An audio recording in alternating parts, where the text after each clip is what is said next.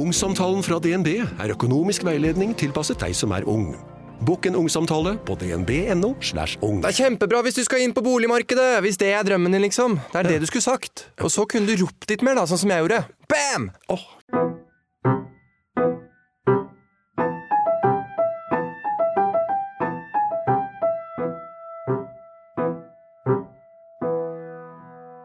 Og velkommen til podkasten Frilanslivet, en podkast av meg, Hanna von Bergen, og min kollega Kristina Skreiberg. Vårt mål med denne podkasten er å være en faglig og inspirerende kanal for alle dere som jobber for dere selv i medie-, kunst- og kulturbransjen. I dag så har vi besøk av musiker, komponist, produsent og tekstforfatter Sandra Kolstad. Sandra har til sammen gitt ut seks kritikerroste album i elektropop-sjangeren. Hennes siste utgivelser er albumene Burning Love og albumet Elv på himmelen, hvor hun tonesatte tolv dikt av Jon Fosse. Hun har turnert eh, mye i Skandinavia, Europa, Storbritannia, USA, Russland, Sør-Amerika, og har spilt festivaler som Roskildefestivalen i Danmark og Øyafestivalen i Norge. Sandra jobber ofte i skjæringsfeltet mellom musikk og litteratur, blant annet som komponist innen teater og scenekunst. Hun ble nominert til Hedda-prisen for musikken hun skrev til stykket Songfuglen på Det Norske Teatret i Oslo.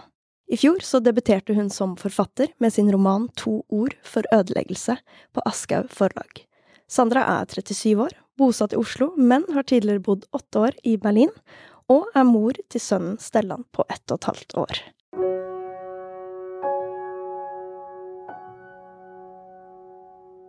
Jeg vil gjerne snakke litt om ukens annonsør.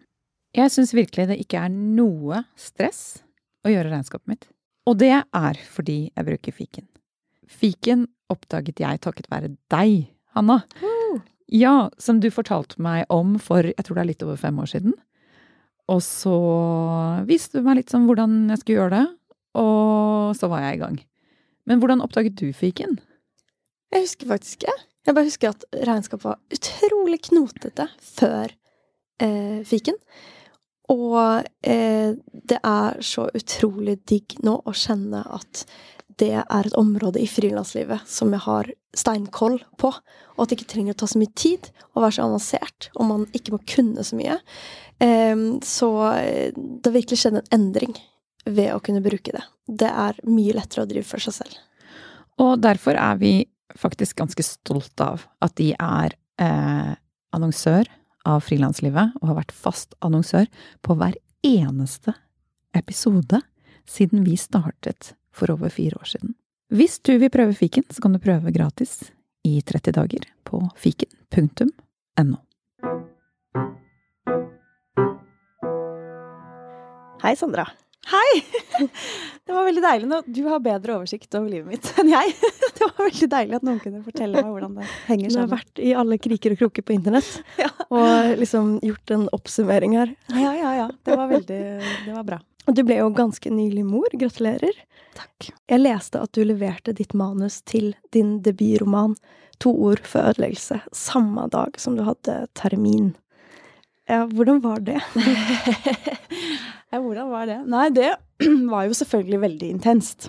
Det er det ikke noen tvil om i det hele tatt. Men jeg var uh, velsignet med en veldig eh, fin graviditet. Jeg hadde veldig lite eh, Hva skal jeg si? Kroppen min liksom var på en måte veldig seg selv. Den var jo også veldig ikke seg selv, men en, en problemfri graviditet. Og, mm, så det var jo det som gjorde det mulig at jeg kunne i det hele tatt liksom jobbe. Men det er klart det var veldig utfordrende, syns jeg, å ha det fokuset som jeg liksom var vant til å ha. For det merket jeg at det var annerledes. Mentalt var det veldig annerledes. Eh, men på en eller annen måte så tror jeg at det også var litt bra. At jeg liksom, dette var en tekst jeg hadde jobbet utrolig lenge med. Eh, og på veldig mange forskjellige måter. Og, og et, sånn i retrospekt så tenker jeg at det nok var ganske sånn eh, fint å bare liksom eh, Hva skal jeg si da? Liksom og, og det som hører meg til historien, at det viste seg at den var ikke ferdig. Fordi Det høres jo så flott ut, jeg leverte det på termin og så Men det var jo sånn at liksom, noen uker etter jeg hadde født, så hadde jeg en samtale med redaktøren min som liksom Og jeg måtte gå en runde til. Da var det ikke så mye som skulle gjøres, da. Men um, men eh, jeg tror det var litt fint. Jeg fikk et annet perspektiv, rett og slett, eh, inn i den teksten ved å jobbe sånn på tampen av å skulle føde. Og så heldigvis så gikk jeg eh, ti dager over termin. Så da fikk jeg, og det tror jeg var veldig, veldig bra, at jeg fikk den der tiden til å bare eh, Jeg faktisk liksom roe meg helt ned og, og gå rundt i Oslo. Og etter hvert begynne å liksom løpe opp alle trappene i bygården der vi bodde da, for å liksom få, få i gang den fødselen.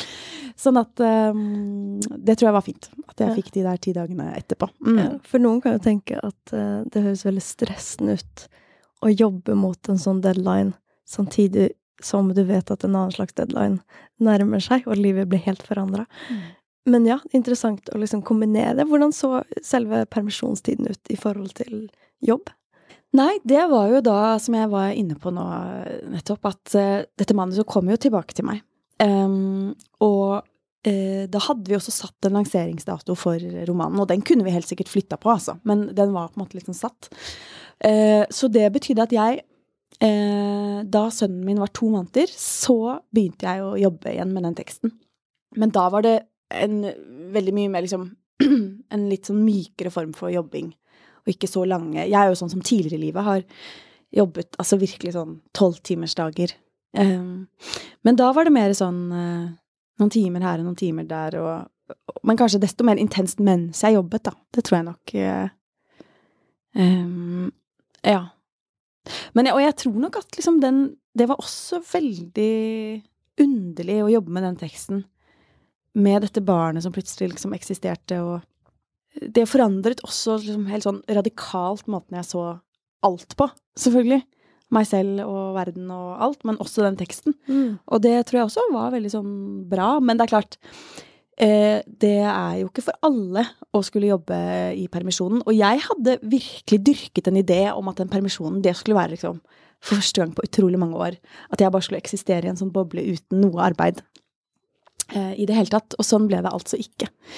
Men, ehm, men nå er jeg veldig takknemlig for at jeg gjorde det, og at boka kom ut, og, og at det gikk så bra som det gjorde, på en måte. Mm. Mm.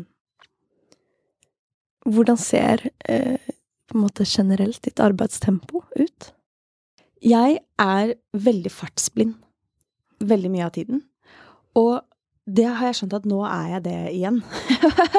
For jeg hadde nok en sånn slags ambisjon om at etter eh, sønnen min ble født, at liksom At jeg ikke kunne havne i en sånn situasjon igjen hvor Eller jeg trodde ikke det skulle bli mulig, på en måte, å jobbe så mye som jeg har jobbet før. Men det er det. Men så er jo dette, dette arbeidslivet som er å lage kunst. Og jeg er jo veldig opptatt av at det er nettopp arbeid. Det er et arbeidsliv. Og det ser jo ikke sånn ut at man alltid kan eh, velge når prosjekter dukker opp, eller ideer dukker opp. Um, og, og det er på godt og vondt, da, tenker jeg. At um, um, Ja. At det kan Sånn som nå, for eksempel, jobber jeg med flere prosjekter parallelt. Og det er veldig givende på mange måter, fordi jeg opplever at de liksom informerer hverandre gjensidig, og det skjer masse Skal jeg bruke et ord som jeg tenker at egentlig er veldig avleggs, men who cares? Liksom At det er mye synergieffekt sant, mellom de. For meg er det det. At jeg merker at når jeg jobber med Nå sitter jeg liksom og tonesetter Shakespeare samtidig som jeg jobber med en ny plate. Um, og der skjer det. Og det er litt sånn språkløst. Jeg kan ikke liksom artikulere akkurat hvordan de to tingene uh, påvirker hverandre eller informerer hverandre, men det gjør de. Um, og for meg så er det liksom mer overskuddsprega enn stress, stressende.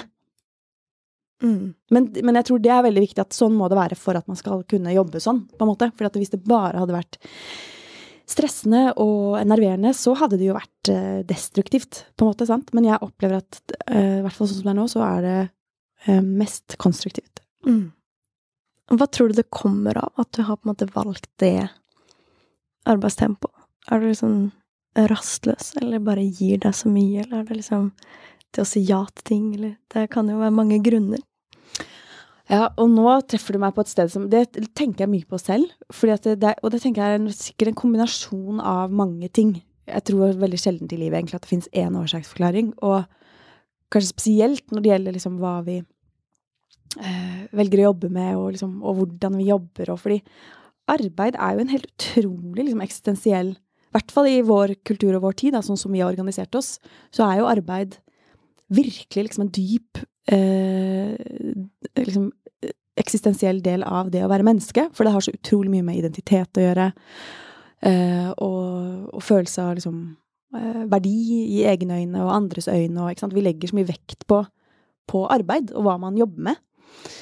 Um, men jeg tror at jeg fra veldig tidlig Eller jeg vet at jeg fra veldig tidlig alder Jeg var jo en veldig dedikert Det var helt sånn uforståelig for alle, egentlig.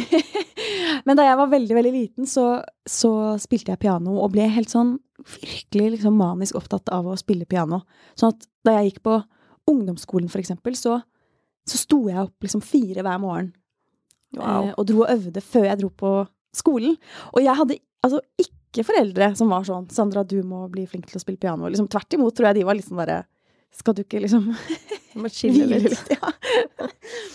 sånn at, og, og, i retrospekt har jeg tenkt mye på det. Sånn, ja, var det fordi Var det en sånn ren, pur glede ved liksom dette å sitte og liksom niøve på Bach klokka fem om morgenen, liksom? Eller var det også fordi en del av meg kjente at jeg sant, helt ubevisst sikkert den gangen, men liksom sånn derre Identifiserte meg så mye med det, og på et eller annet vis liksom være god til noe, eller liksom Eller kanskje også en sånn form for liksom asketisme, som jeg også har en hang til, vet jeg, som er det derre å liksom helt gå opp i noe, og, og liksom i perioder kanskje bare spise liksom havregryn og fiskekaker, hvis du skjønner, for jeg kan ikke ha noen annen input fordi den output Sånn og sånn.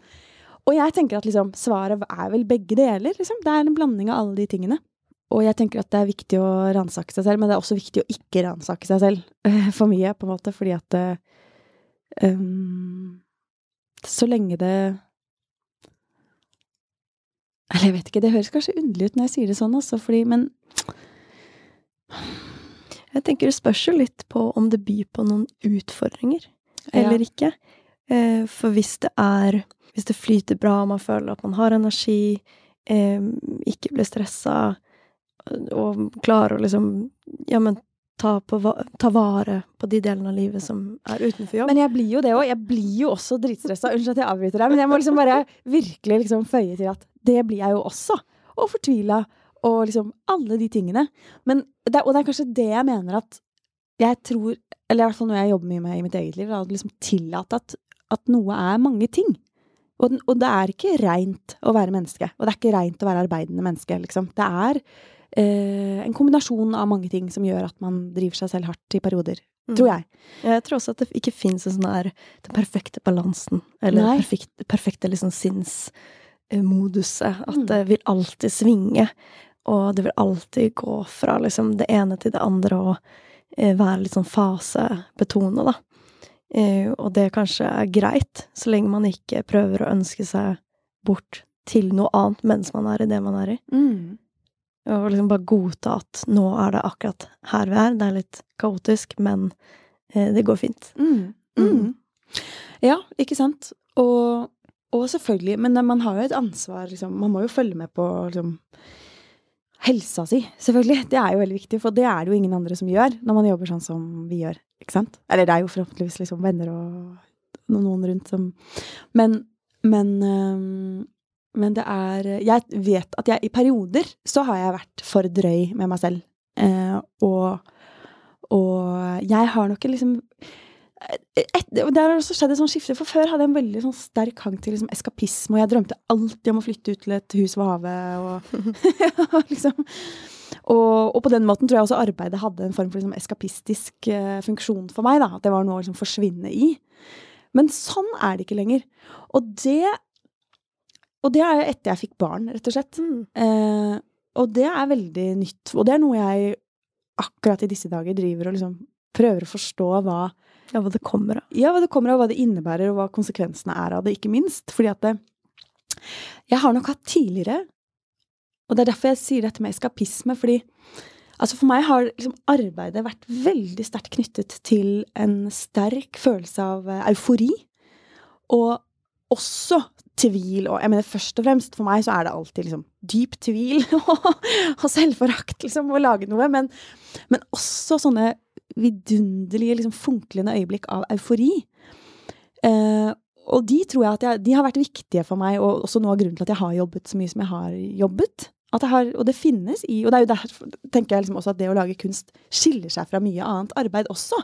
Fordi man kan få noen helt sånne sinnssyke liksom, opplevelser av Ja, det er helt språkløst, selvfølgelig, men, men det nærmeste jeg kommer, er kanskje eufori og, og en følelse av liksom sammenheng og um, Men etter jeg fikk denne sønnen min, så har altså det Den gravitasjonen og den euforien har flyttet seg. Mm. Og nå skjønner jeg at det er helt sånn for alltid. At den euforien, den finnes ikke lenger i arbeidet. Den finnes der, men på andre måter. For nå er det han som har den, eh, den Hva skal jeg si Det finnes der. Mm. Um, og det uh, tenker jeg at liksom det, det, er veldig nytt. Og det um, gjør også at, at, jeg må orientere meg i arbeidet mitt på nye, på, på nye måter og bli kjent med det på nytt. Men det tror jeg utelukkende er bra. Jeg er ikke noe redd for det. Jeg tror ikke det er noe dårlig. Egentlig tror jeg det kjempe, at det var veldig viktig at det skjedde, på en måte. Um, Hvorfor det?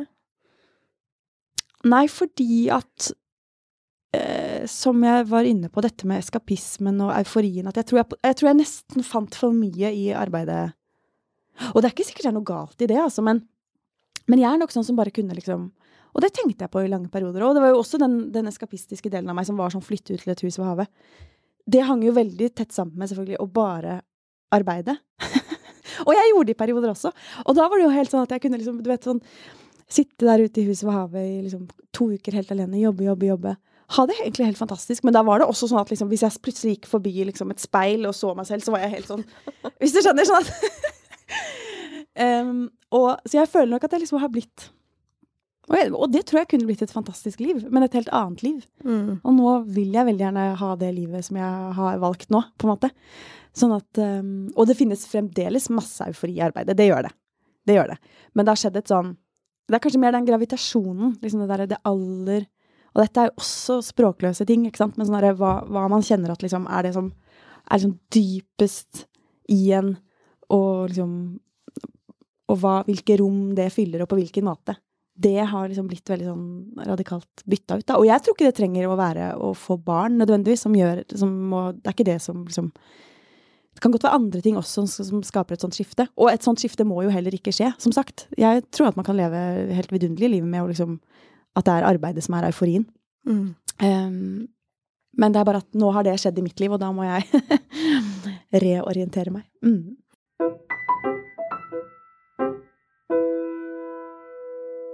Og din bakgrunn er jo opprinnelig fra klassisk piano. Eh, og jeg har lest at du søkte deg inn ved Musikkonservatoriet i København, eh, men ikke kom inn, og så dro du til India i seks måneder. Og du nevnte jo litt det her med at du ble litt sånn obsessed med piano når du var yngre, eh, og du gikk også i lære hos Wolfgang Plagge, og har en bakgrunn da, som på en måte klassisk pianist. Men hvordan var det å gå fra å tenke at konsertpianist var drømmen, eh, som jeg har lest at det var, til å finne en ny vei? Nei, det var helt forferdelig. Rett og slett. Det var helt forferdelig. Men det rare er at nå i ettertid så tenker jeg at For det som skjedde, var at jeg dro til eh, København. Jeg søkte på Kongelig konsertord der. og og da spilte jeg også Wolfgang, og vi ble enige på ganske sånn kort tid. Altså, jeg hadde ikke så lang tid før, uh, før jeg skulle gjøre det prøvespillet. Um, sånn at jeg, Og prøvespill, da er det jo alltid at man har et repertoar som man skal spille. Og så skulle jeg spille en Beethoven-sonate som jeg ikke hadde tid til å øve inn andresatsen.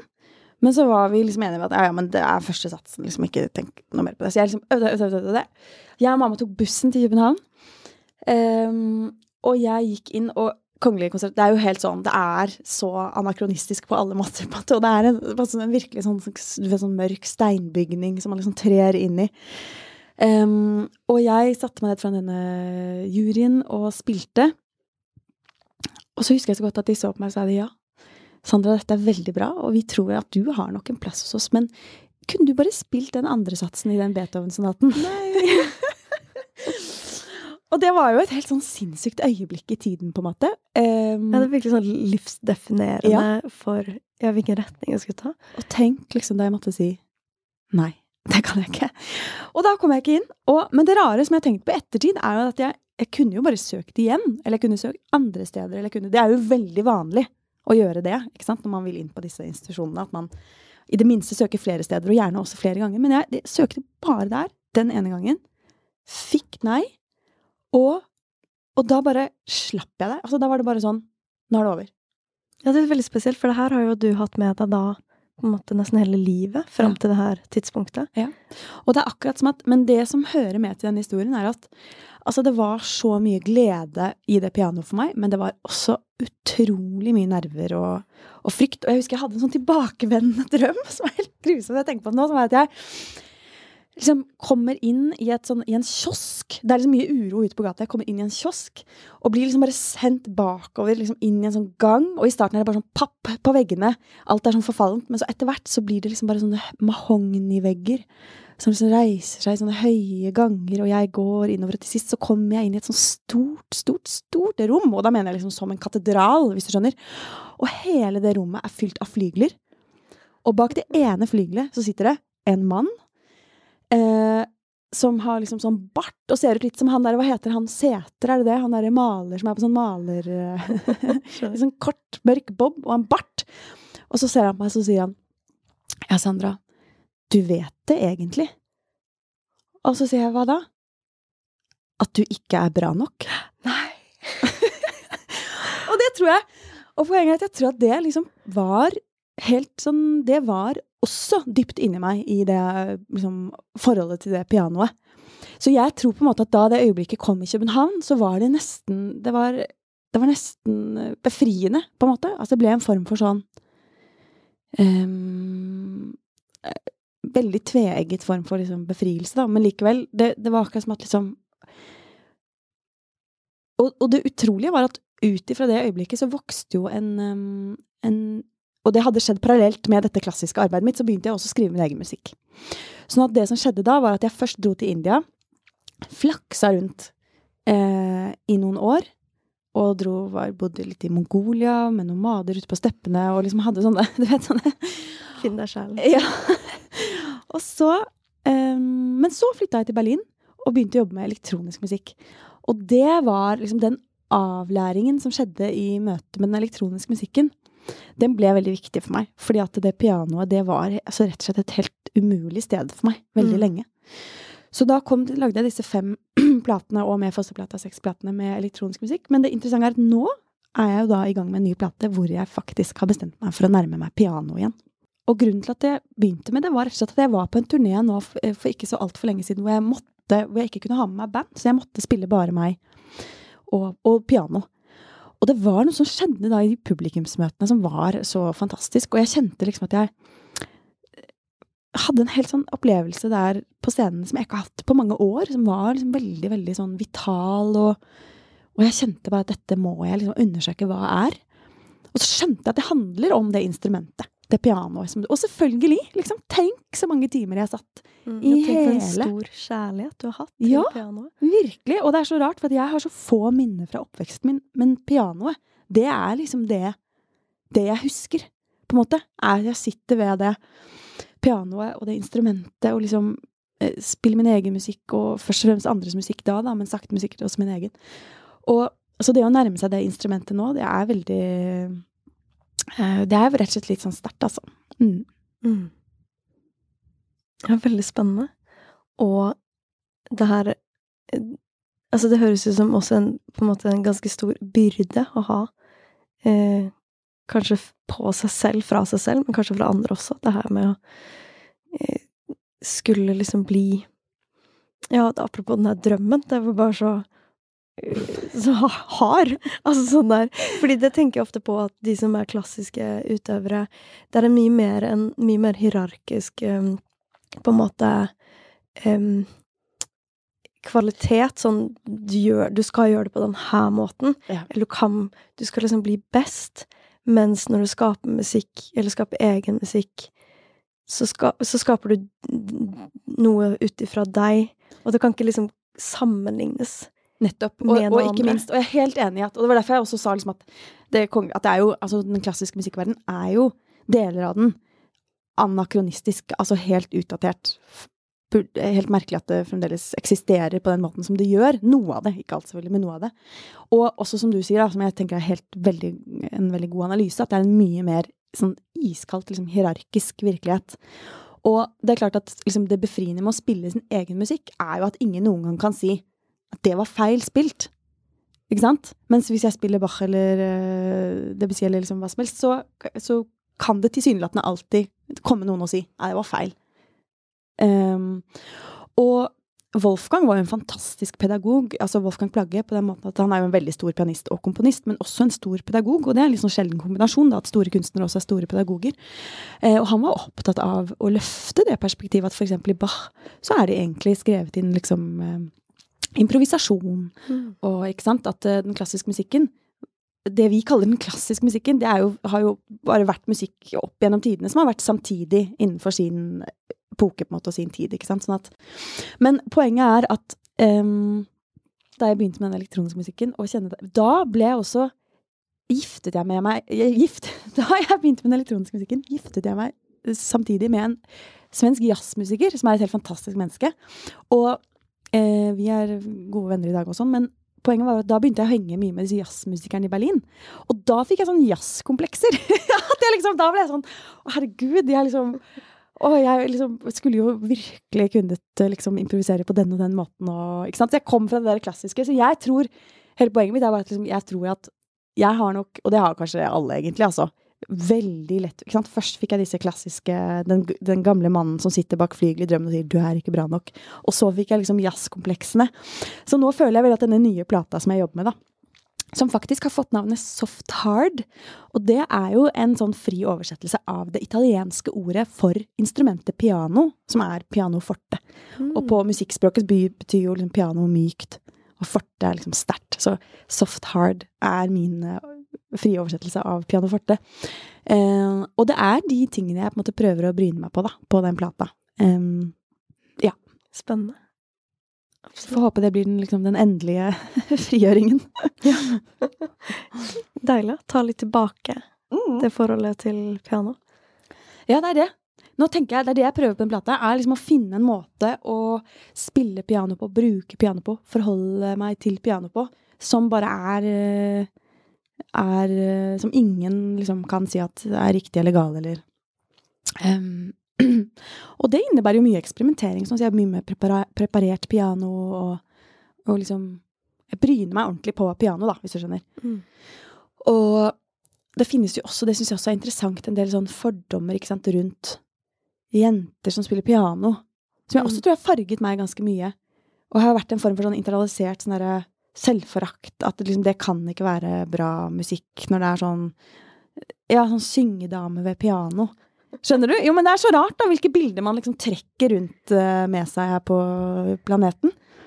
Um, så, men denne plata Soft Hard er altså et forsøk på å liksom bare dekonstruere de forestillingene um, om pianoet. Ja. Mm.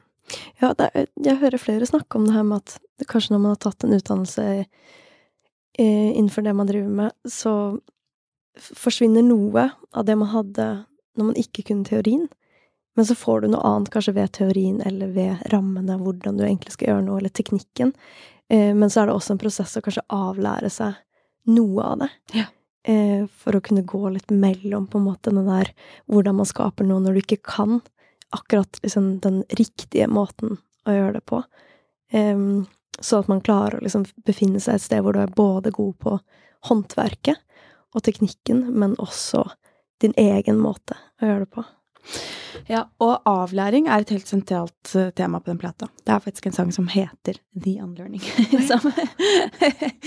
så, og det kjenner jeg igjen også fra altså, kjæresten min som er billedkunstner. Sier, han gikk på akademiet, og, og, han sier det at liksom de første årene etter akademiet var nesten liksom, utelukkende en form for avlæring. Mm. Og, og, jeg syns det er interessant, da, fordi at uh, jeg er jo veldig opptatt av håndverk også. Og og jeg tenker at det er kjempeviktig.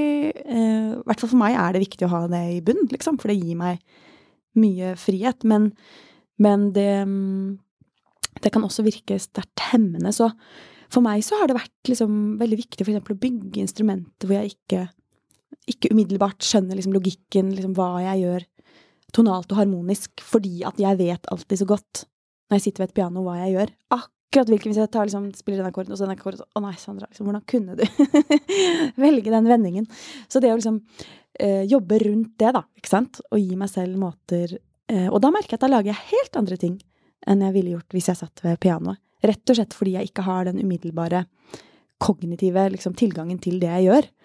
Og det er jo en viktig del av det å lage kunst, da, tenker jeg at det er et rom som ikke er primært styrt av det liksom rasjonelle og det kognitive, men at det faktisk finnes rom for Jeg mener at det er derfor kunsten er så utrolig viktig. Fordi i vår tid og vår kultur så finnes det veldig få rom igjen for det irrasjonelle. Og jeg tenker at vi mennesker har store deler irrasjonalitet i oss, og at det må få lov til å finnes et sted. For hvis ikke så tenker jeg at det faktisk er liksom farlig, da. Så, mm, så det mm, jobber jeg liksom veldig Det er viktig for meg i mitt arbeid å liksom bevare et, et, et, rom for det irrasjonelle. Både hos meg selv, men også forhåpentligvis i møte med den som, som lytter eller opplever det jeg lager. Ja. Mm. Ja, og det er jo det som er vanskelig hvis man skal analysere alt, og at noen ganger når du går på en utstilling eller hører musikk, du vet ikke på en måte hvorfor du liker det, eller hva du en gang liker med det, du vet kanskje bare at du liker det, eller at det treffer noe, men det er vanskelig å helt forstå på hvilken måte. Det syns jeg er veldig Ja, jeg er veldig enig i det du sier. Ja, og jeg tror det er så viktig å våge å, å la det være sånn. Og jeg merker selv at jeg har, kanskje spesielt i liksom billedkunsten, da, som er sånn som jeg ikke Jeg har vokst opp med liksom eh, med veldig mange billedkunstnere rundt meg, i, altså venner av moren og faren min, sånn, men, men, men jeg selv har liksom aldri jeg liksom studert bilder. For meg er det liksom et kunstfelt som jeg ikke kan mye om. Og det er sånn jeg må virkelig liksom eh, Det merker jeg da, når jeg, ofte når jeg går i en utstilling, så, så skrur det seg på i meg en sånn vilje til å liksom forstå noe.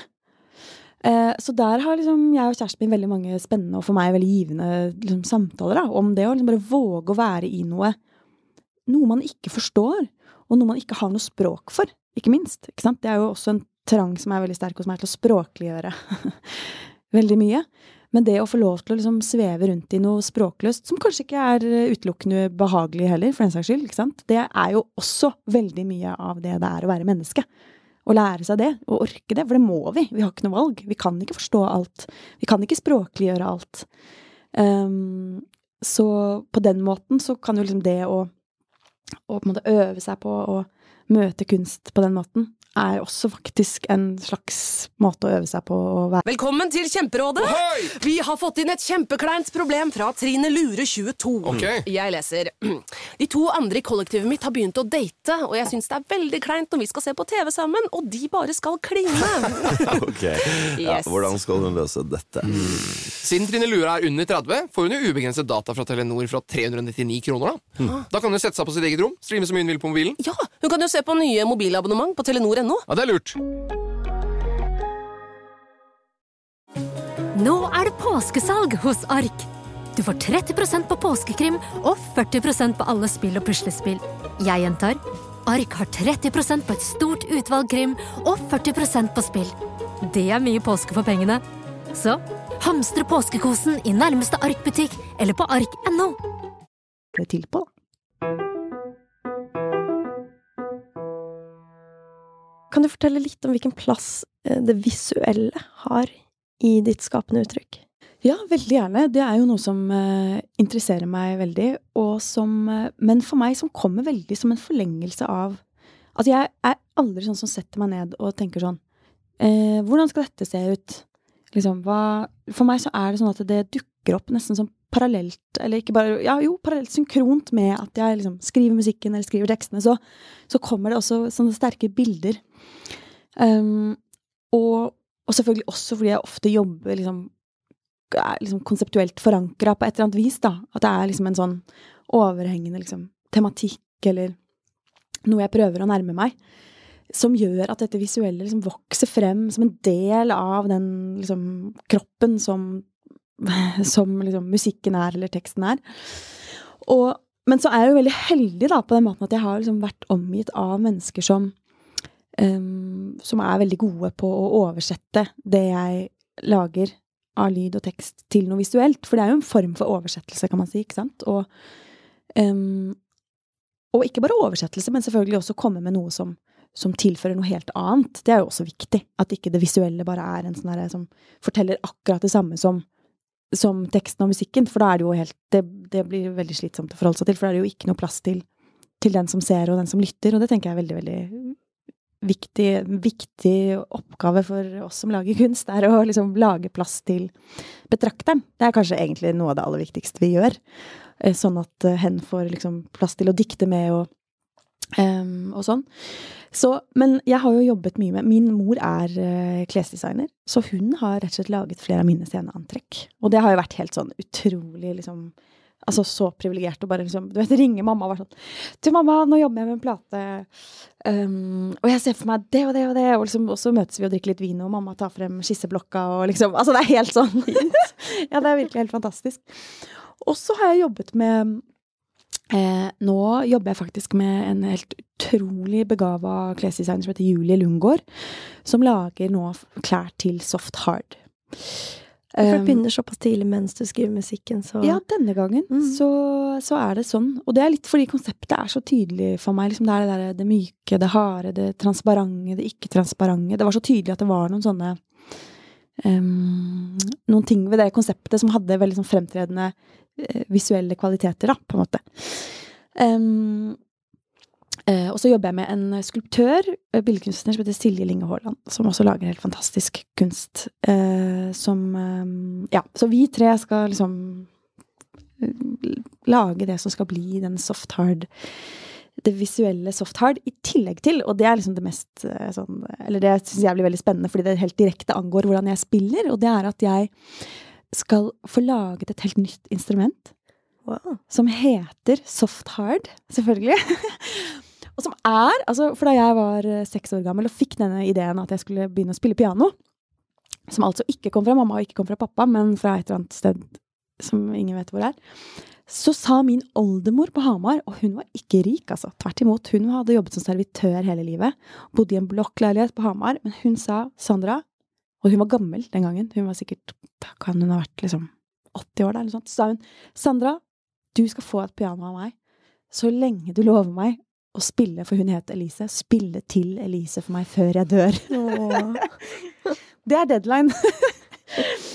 Og, da, og så kjøpte hun et, eh, et, piano til meg, som ikke er noe sånn utrolig godt instrument, men som er det instrumentet som jeg har lært meg å spille på, som jeg er veldig glad i, som er et sånn hvitt 80-tallspiano. Og jeg rakk å lære å spille til Elise for henne, da, før hun døde. Og det pianoet skal vi nå jeg og Jonas Barsten, som er en av mine nære samarbeidspartnere, han er eh, trommis og programmerer og helt sånn unikum, eh, vi skal sample det pianoet og bygge det om til en slags synt, som siden Anders Holen, som er uh, billedkunstner, uh, skal uh, lage om til en skulptur. Så dette blir altså et instrument som har en skulpturell kropp, wow.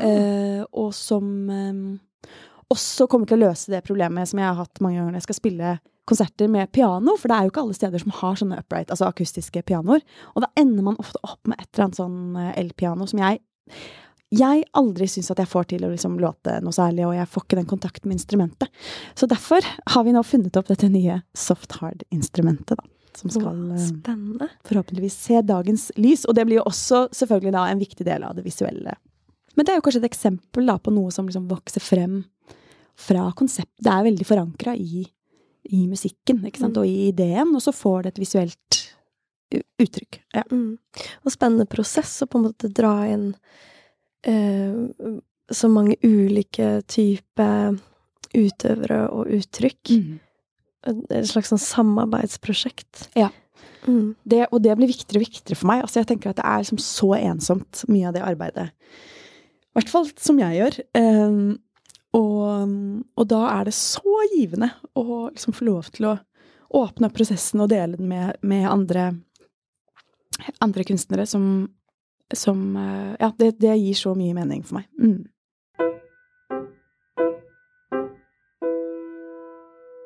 Og du har jo ganske nylig gitt ut din debutroman, og jeg vet at litteratur måte, har vært viktig opp gjennom um, hele livet. Eh, og i måten du skriver musikk og arbeider med musikk også. Men eh, hvordan skiller eh, følelsen seg fra å gi sin debutroman eller jobbe med den, for eksempel, fra det å jobbe med et album og gi ut al album? Ja, ikke sant. Altså, det minner jo veldig.